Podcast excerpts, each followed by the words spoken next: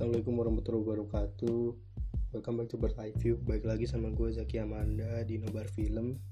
Setelah kemarin gue ngomongin film-film favorit gue Sekarang di episode kedua gue bakal uh, nge-review singkat uh, Film yang baru rilis hari ini judulnya Gundala. Di podcast ini sebenarnya gue mau nge-review sebentar aja sih singkat aja.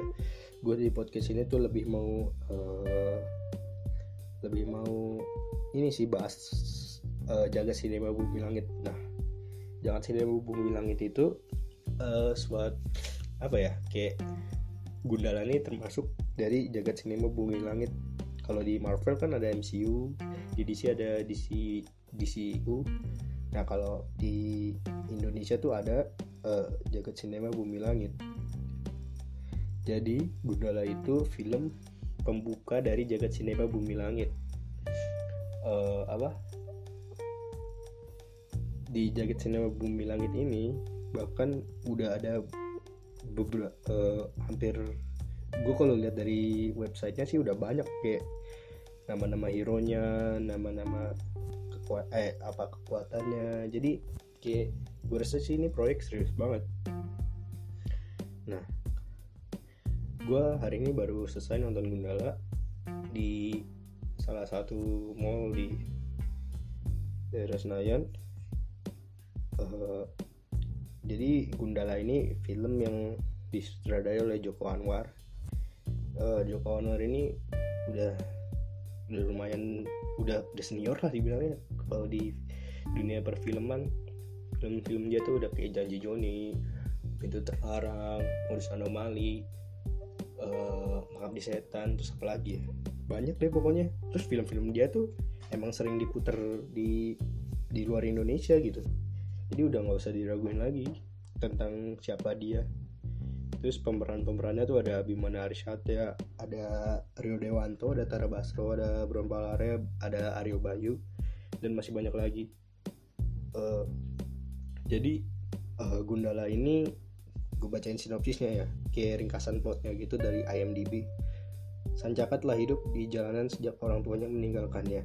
Menjalani hidup yang sulit, Sancaka bertahan dengan memikirkan keselamatannya sendiri. Ketika kondisi kota semakin memburuk dan ketidakadilan mengamuk di seluruh negeri, Sancaka harus memutuskan apakah ia terus hidup untuk menjaga dirinya sendiri atau bangkit untuk menjadi pahlawan bagi yang tertindas.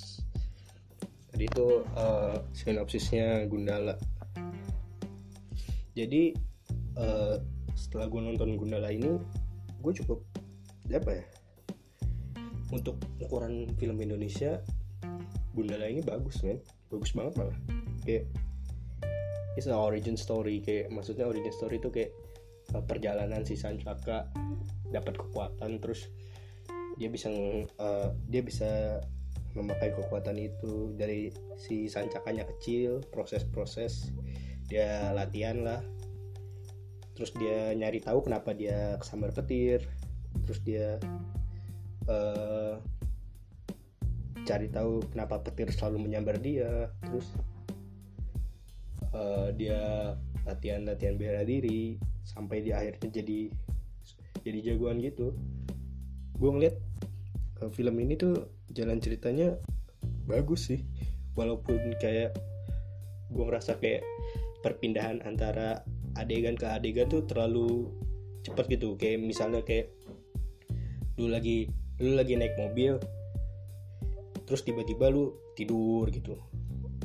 Walaupun kayak gitu tapi tetap enjoy aja sih ditonton. Terus uh, uh, pemeran-pemerannya di sini juga uh, gak usah diraguin lagi kayak Babi mana? Jadi Sancaka? Udah. Emang enak lah dilihat gitu. Kayak gue uh, nonton uh, Abimana tuh pertama kali belum film dari sama Upi kalau nggak salah sih. Di situ dia juga bagus banget mainnya. Terus The Night Come For Us tapi di The Night Come For Us dia nggak jadi peran utama. Tapi kalau di Belenggu dia jadi peran utama terus di Gundala ini dia juga bagus banget mainnya. Dan si satu lagi si Blon Pak Bron Palarai aktor Malaysia yang udah dua kali sama Joko Anwar. Yang pertama tahun kemarin jadi bapak di Pengabdi Setan sekarang jadi pengkor. Pengkor nih penja uh, musuhnya Gundala lah. Gue ngeliat dia di sini tuh kayak kayak terkesima banget. Kayak dia orang jahat tapi gue kagum sama dia gitu. Kayak dari cara jalannya dia pemikirannya dia terus uh, cara ngomongnya dia kayak mungkin kalau kalau gue ya kalau gue disuruh milih mau meranin Gundala apa Pengkor mending gue, gue pengen meran Pengkor. Soalnya dia keren banget. Terus uh, di sini juga banyak-banyak Easter egg untuk film-film selanjutnya. Terus ada salah satu adegan di mana si Joko Anwar nyelapin Easter egg dari film joke filmnya dia sebelumnya. Jadi film ini tuh penuh Easter egg sih. Terus di uh, sisi CGI nah makanya kan kalau orang-orang orang-orang Indonesia kan kalau nonton film-film kayak gini tuh kayak nanya CGI-nya gimana? Bagus nggak? Apa CGI-nya jelek ah males nonton. Ya, tapi kalau di film ini menurut gua buat ukuran film Indonesia sih bagus. Soalnya apa? Lu kalau ngebandingin CGI Indonesia sama Hollywood nggak bisa dibandingin men. Di Hollywood misalnya uh, Marvel or ya Marvel lah MCU gitu di Hollywood mereka tuh punya studio sendiri punya green screen yang gede ruangan studio gede. Pokoknya semuanya di sana tuh udah lengkap lah. Sedangkan di Indonesia misalnya lu mau mau ambil adegan di pabrik. Terus ya pabrik nggak studio nggak green screen ya pabrik. Terus lu mau ngambil area eh, ngambil adegan di uh, apa rel kereta api ya beneran rel kereta api. Ya jadi kalau lu banding bandingin CGI Indonesia sama luar ya nggak bisa di, emang nggak bisa dibandingin. Soalnya emang beda dari dana dari studio dari green screen dari segala macam lah. Tapi kalau menurut gue CGI di Gundala ini ya bagus buat ukuran film Indonesia.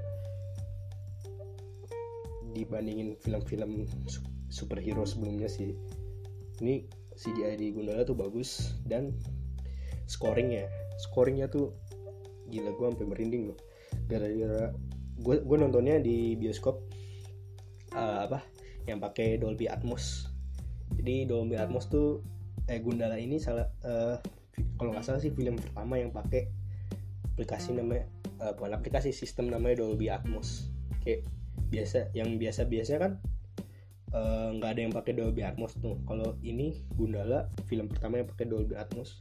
Kayak gue denger suara petirnya tuh kayak kerasa sambar beneran gitu.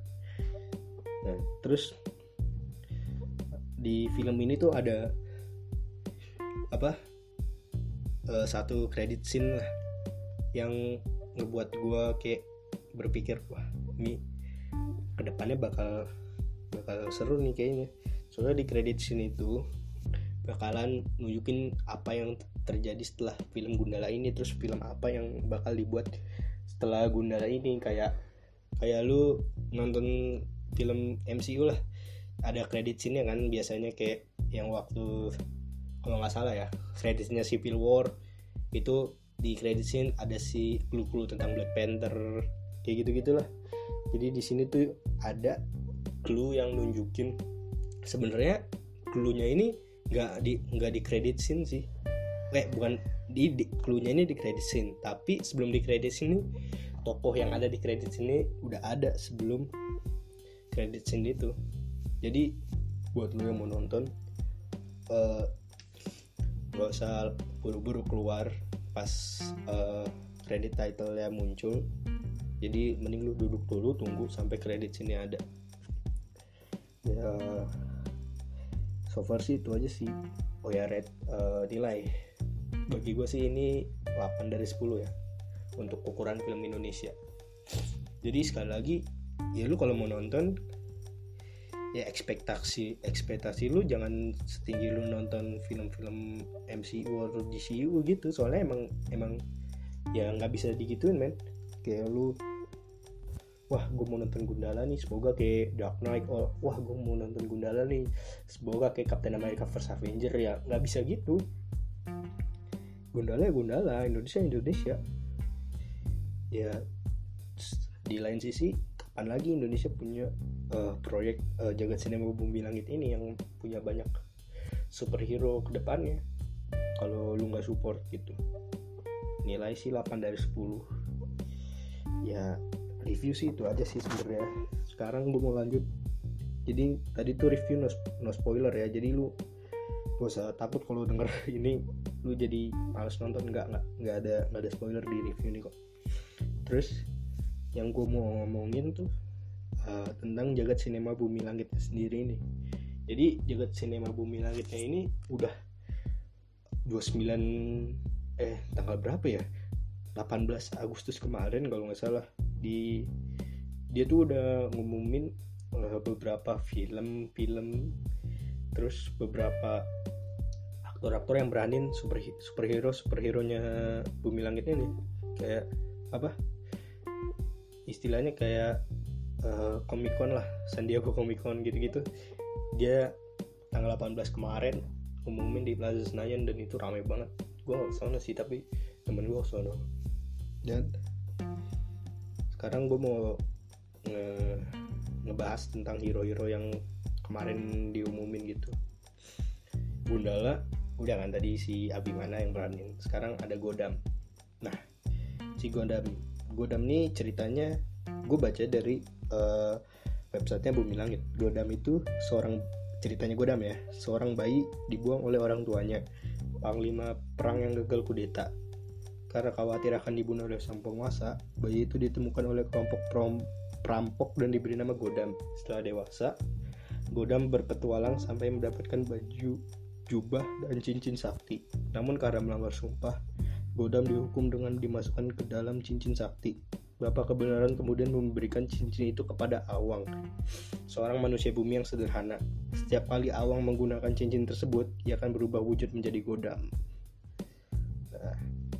dan si Godam ini diperanin sama uh, Jigo Jericho Godam ini uh, sebenarnya uh, sedikit ya sedikit Godam ini sebenarnya ada loh di Gundala tapi nggak berbentuk jadi superhero gini jadi buat kalian penasaran ini lu nonton Gundala deh dan uh, jagoan yang kedua atau superhero kedua ada Sri Asih uh, ini namanya perempuan banget ya Nah, jadi Sri Asih itu ceritanya gini.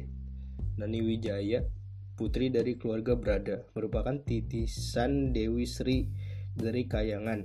Setelah dewasa, Nani bekerja di Biro Penyelidikan Kriminal sebagai pembela kebenaran yang berani. Namun saat ia kesulitan, Nani dapat mengubah dirinya menjadi Sri Asih dengan mengucapkan Dewi Asih. Nah, kekuatannya Sri Asih itu dia tuh punya kekuatan yang setara dengan uh, eh, 250 pria dewasa itu banyak banget dan yang berani Sri Asih itu ada si Pevita Pierce bayang gak tuh? Pevita Pierce main uh, film superhero.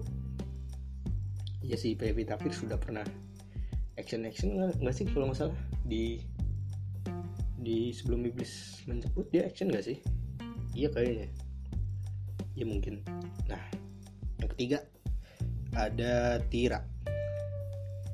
Tira ini nama aslinya Susi. Ia adalah seorang mahasiswi yang sangat jago bela diri. Ketika ia membuat kostum berteknologi canggih, ia berubah menjadi Tira yang ingin membasmi kriminal dan ketidakadilan. Dengan bermeditasi, ia bisa mengeluarkan ruh yang berbentuk sembilan makhluk raksasa berbeda. Waduh. Nah, Tira ini yang beranin Chelsea Island masalahnya uh, eh, gue nggak bayang sih Chelsea Island main uh, film superhero gimana soalnya dia kan kebanyakan main drama kayak gitu gitu kan.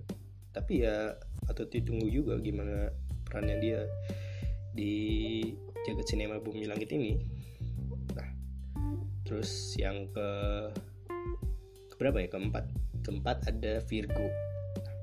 Si Vigo ini namanya Rini. Rini mempelajari percobaan-percobaan ilmiah ayahnya tanpa diketahui. Suatu hari Rini menggunakan tubuhnya sendiri sebagai uji coba manusia yang pertama. Ketika ia menyadari bahwa ia kini memiliki kekuatan super, Sakti memutuskan untuk menjadi pembela kebenaran. Rini ini yang meranin sih aduh siapa sih? Gue lupa. Oh iya Zara JKT48 yang kemarin main dua garis biru. Uh, ini juga peran eh maksudnya dia main film superhero gak kebayang juga gimana nah terus lanjut lagi. Ya ada si bentar bentar, bentar. ada si si aduh mana ya tadi? Ada si Dewi Api. Nah si Dewi Api ini yang peranin Dian Sastro. Gue belum nemu sih Dewi Api ini siapa terus kekuatannya apa jadi ya gitu Dewi Api digambarin sih cuma kayak rambutnya ada api-api gitu Dian Sastro main rambutnya api-api juga gak kebayang sih terus lanjut lagi ada Mandala jadi Mandala ini dari era yang berbeda sama kayak gak kayak Gundala, Godam gitu-gitu. Jadi jagat sinema bumi langit ini ada dua era, era Patriot sama era Jawara. Mandala ini masuk era Jawara. Mungkin era Jawara tuh yang yang dulu-dulu kali ya, yang zaman-zaman dulu. Nah, cerita yang Mandala tuh gini.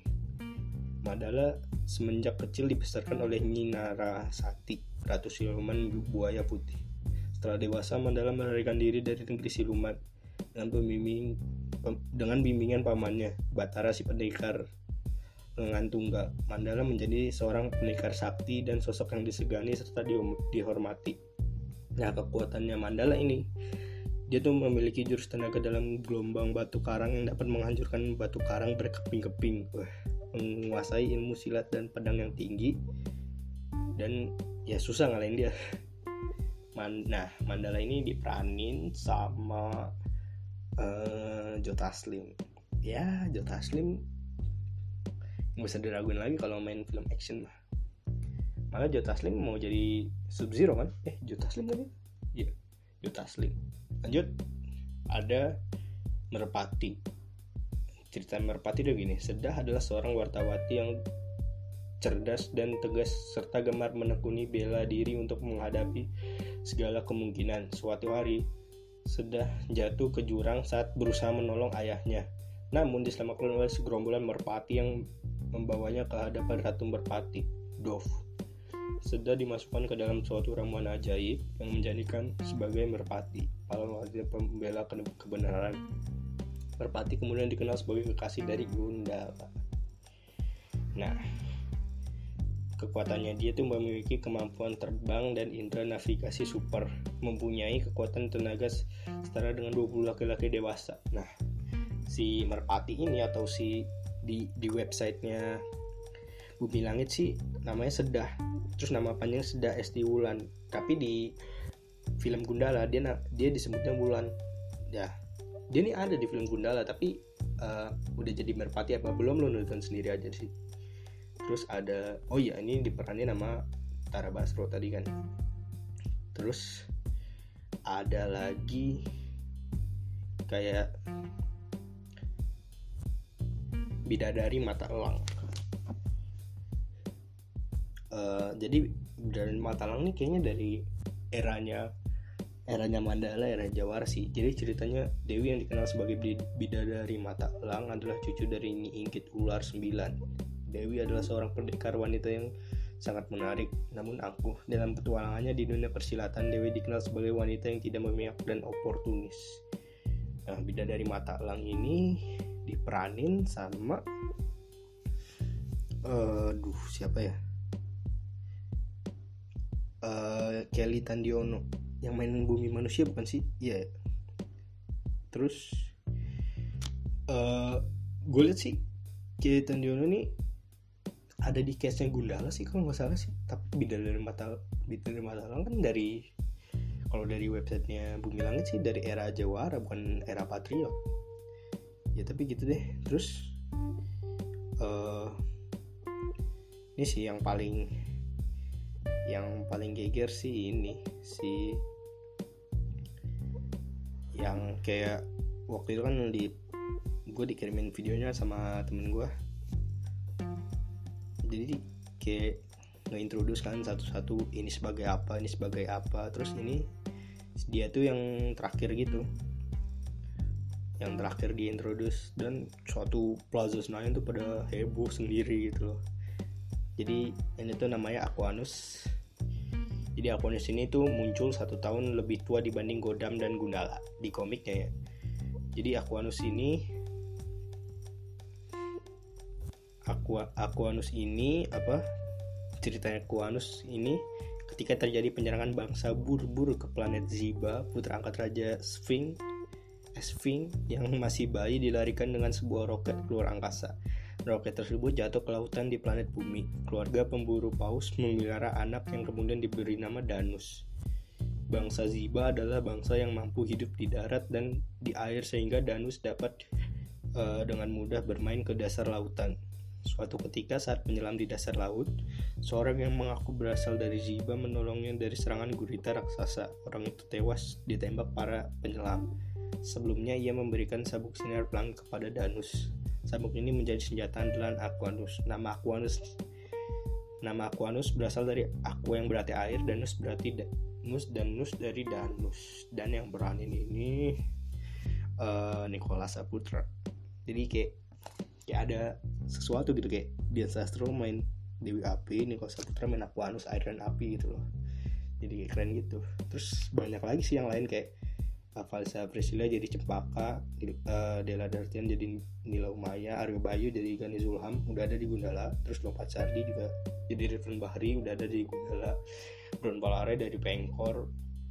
Dan ada uh, Tatiana Sapira jadi Mustika Sang Kolektor. Dari namanya sih karakter baru yang belum ada di komik komik-komik gitu sih. Terus uh, Hana Al Rashid jadi Camar terus Daniel Atan dari Tato Ginanjar kayak udah sih gitu aja. Ya sih udah itu aja. Superhero yang baru di jilid satu ya. Soalnya ini masih jilid satu. Soalnya nanti masih ada banyak jilid-jilid yang ke depannya jadi sebenarnya tuh uh, proyek film ini kalau kalau berjalan dengan dengan lancar sih bakalan keren intinya sih uh, kalau ini berjalan sesuai rencana Indonesia bakal punya jagoan-jagoan yang gak kalah keren dari Hollywood gitu. Uh, oh iya satu lagi ada Destiny kita diperanin eh, diperanin nama Asmara Abigail. Asmara Abigail ini yang main di oh dia di Pengabdi Setan muncul di akhir-akhir. Terus nanti dia juga main di Perempuan Tanah Jahanam filmnya Joko Anwar juga jadi uh, dari nama-nama case yang udah gue baca tadi lumayan banyak ya. Berapa sih? Ada ada 19 nama.